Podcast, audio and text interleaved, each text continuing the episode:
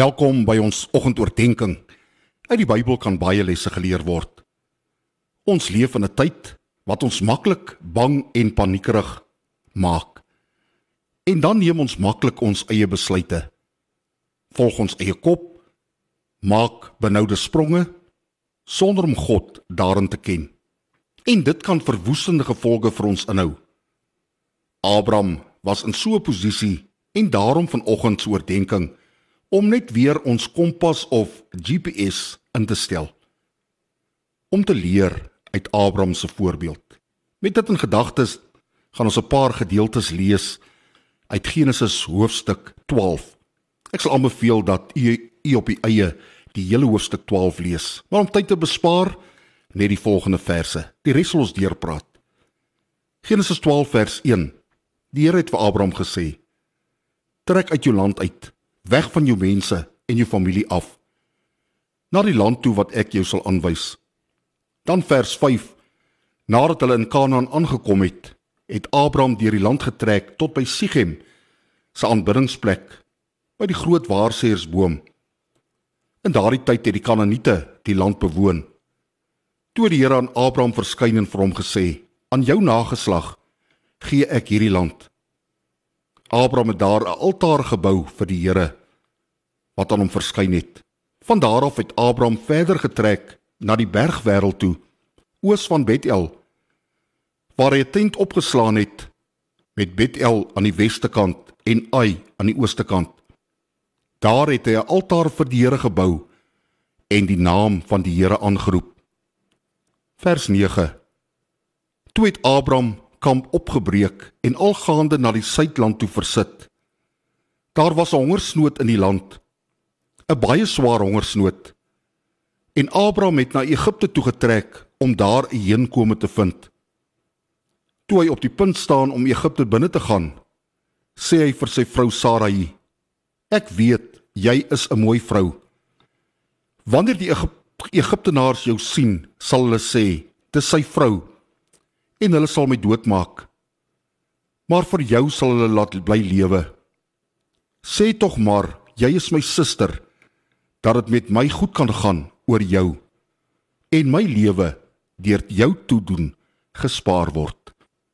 Tot sover die woord van die Here vanoggend. Abraham is aan ons almal bekend as 'n geloofsheld. Hy dan die vader van alle gelowiges en ons verbind onsself graag aan hom as ons voorvader. Wat bewonder en respekteer was. Ons wil graag soos hy wees, sterk en onwrikbaar in ons geloof. Maar daar was ook donker dae in Abraham se lewe. In die eerste plek sien ons dat Abraham ryk was en dat hy in Haran gewoon het.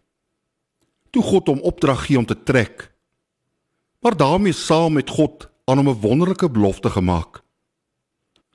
Abraham is gehoorsaam en hy trek. Hy neem al sy besittings en trek na Kanaan. Dan lees ons by Sichem verskyn die Here aan hom en maak die belofte aan jou nageslag gee ek hierdie land. En Abraham bou 'n altaar. Abraham beweeg verder en by Bethel Ai bou Abraham weer 'n altaar vir die Here en hy aanbid God. sien nie dat Abraham vir God raadpleeg. sien nie vanoggend dat daar 'n twee gesprek tussen Abraham en God is. Dat daar 'n lewende verhouding tussen Abraham en God is. Maar dan die keerpunt. 'n Hongersnood. Dalk in ons tyd 'n koronavirus. En dan lees ons vers Abraham het kamp opgebreek en algaande na die suidland toe versit. In Hebreëus beteken dit letterlik uit sy tentpenne uitgetrek en algaande in die rigting van Egipte getrek. Hy trek weg uit die land wat die Here vir hom en sy nageslag gegee het. Hy trek weg uit die land waar die Here wil hê hy moet bly. Hy raadpleeg God nie. Was dit dalk die voorspoed en welvaart van Egipte wat vir hom aanloklik was? Of het hy dalk begin vrees oor die hongersnood? Kom ons wees baie eerlik vanoggend.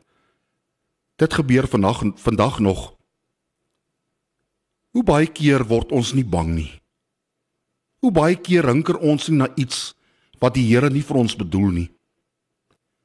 En wat gebeur dan? Ons raak paniekerig en ons beweeg weg van God af. En dan is dit hongersnood. Hongersnood maak 'n mens paniekerig.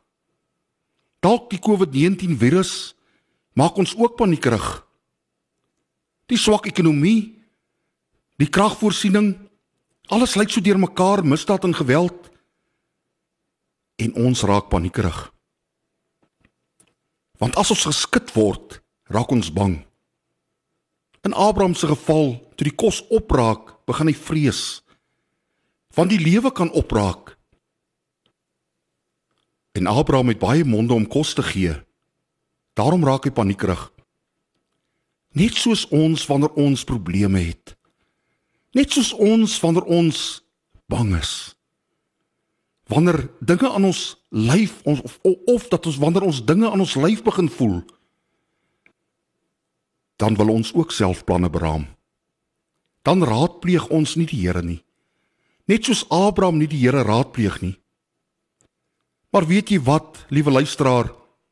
God wil nie hê ons moet self Egipte toe gaan nie.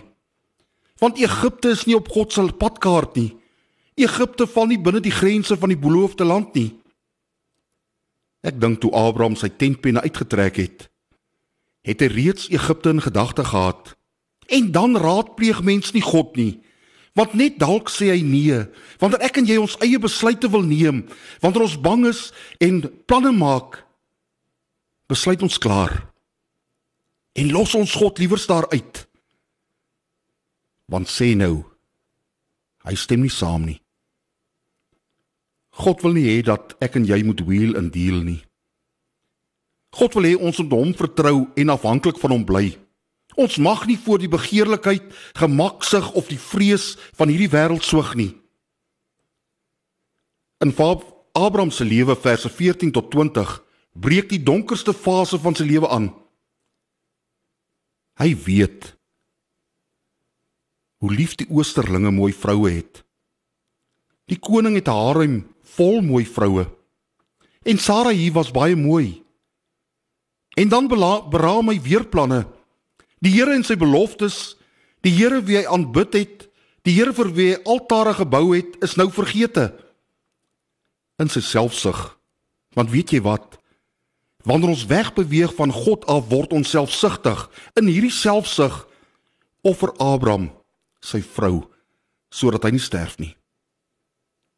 Wat is ek en jy besig om te offer vandag? Abraham sê Sarai, doen tog maar asseblief vir ons die ou gunsie. As hulle jou kom haal, sê vir hulle jy's my suster. En toe kom haal hulle vir Sarai en gee aan Abraham 'n klomp ges geskenke vir hierdie mooi sussie van hom. Vers 16. En dan dan beland hy in 'n doodloopstraat. Dit is nie die doodloopstraat waar 'n mens skaam, hartseer en geheel en al gestroop word van jou waardigheid en waar jy bang en jammer is. En dan soek 'n mens weer God se genade. En wat gebeur in vers 17? Die liefdevolle God tree na vore. En ons hoor seker een van die mooiste refreine in die Bybel. Daar staan: "Maar die Here Maar die Here ontferm hom, maar die Here gryp in, maar die Here beredder." En in plaas daarvan dat Sarai in die Farao se kooi beland, beland Farao self in die kooi met 'n vreemde siekte, 'n onbekende virus. Almal om die Farao word siek. Farao kom agter dat die nuwe mooi vrou die oorsaak is. Hy kom agter dat sy nie Abraham se sussie is nie, maar sy vrou. En dan is daar konsternasie in die paleis. Farao voel gebelg en die orde word vinnig herstel.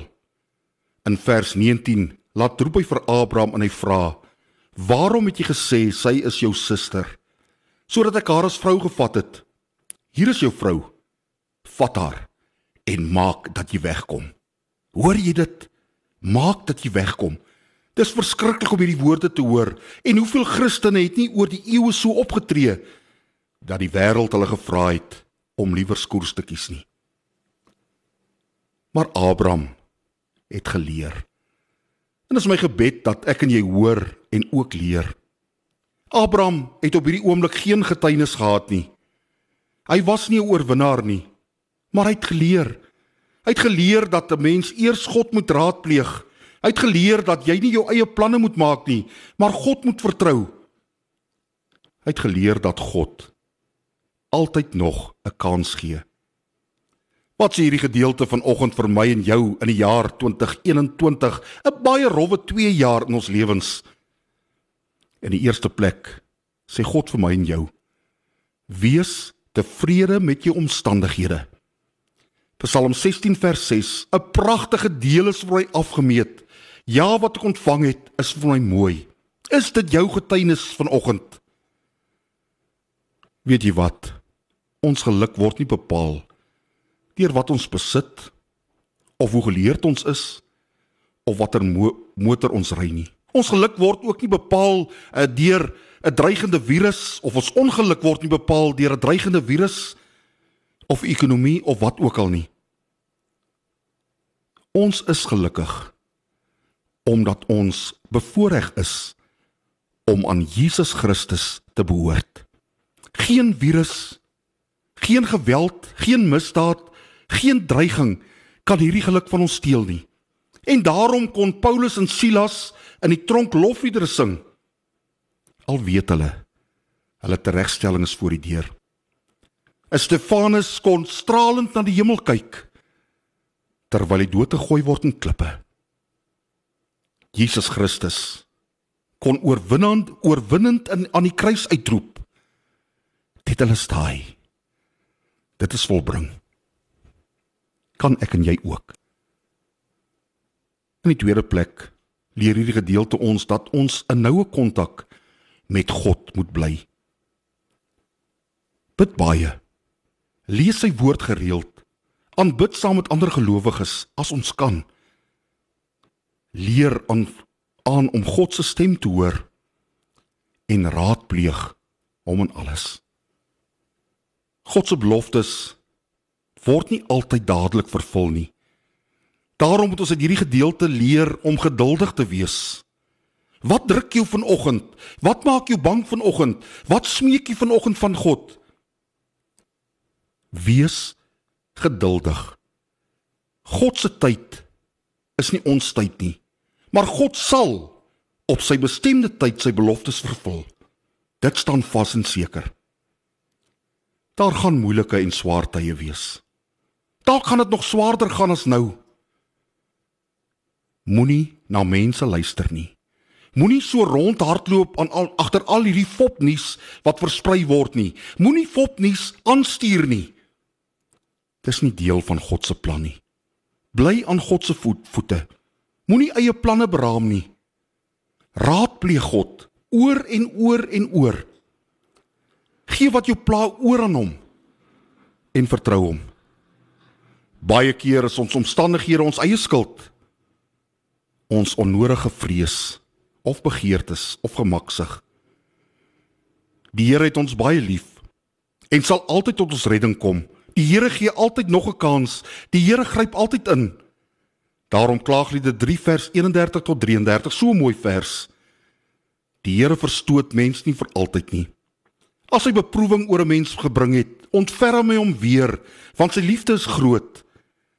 Dit is teen sy sin dat hy mense in ellende en beproewing bring. Hoor jy dit vanoggend? Dis teen God se sin dat ek en jy swaar kry. Johannes 10 vers 28 en gee hulle die ewige lewe of ek gee hulle die ewige lewe en hulle sal in alle ewigheid nooit verlore gaan nie. Niemand, niemand, niemand sal hulle uit my hand kan ruk nie. Dit is my en jou hoop. Dit is my en jou troos. Die Here red en red en red. Ons kan die toekoms met blydskap ingaan. Ons kan positief wees. Ons kan hoopvol wees. Ons kan rustig leef en werk. Hopend, gloot, gloend aan God se voete. Want ek en jy weet miskien nie wat die toekoms inhou nie. Maar Ons ken hom wat die toekoms speer. Daarvoor loof en prys ons hom. Mag ek en jy vanoggend hoor. Mag ek en jy vanoggend luister. Mag ek en jy vanoggend die liefde, die vrede van God ons hemelse Vader ervaar. Here ons God, so dikwels doen ons niks anders as wat Abraham gedoen het nie. Dit is so maklik vanoggend om hom te kritiseer. Maar ons word net so maklik paniekerig en neem ons eie besluite sonder om U te raadpleeg. Dankie, baie dankie dat U liefde en genade vir ons so groot is dat U elke keer vir ons instaan en help uit die gemors waarin ons dikwels onsself laat beland. Help ons om gedurig in verhouding met U te bly sodat ons altyd binne U wil vir ons lewens sal optree. Neem alle vrees weg, Here. U is ons God. U is in beheer. En niks maar niks kan ons bedreig nie. U is wat U is. U is en U was en U sal ewig daar wees. Dankie dat ons in U beskerming lewe. Wees ons genadig en laat ons as U kinders kragtige getuies vir U in hierdie tyd sal wees. Om Jesus wil bid ons dit. Amen.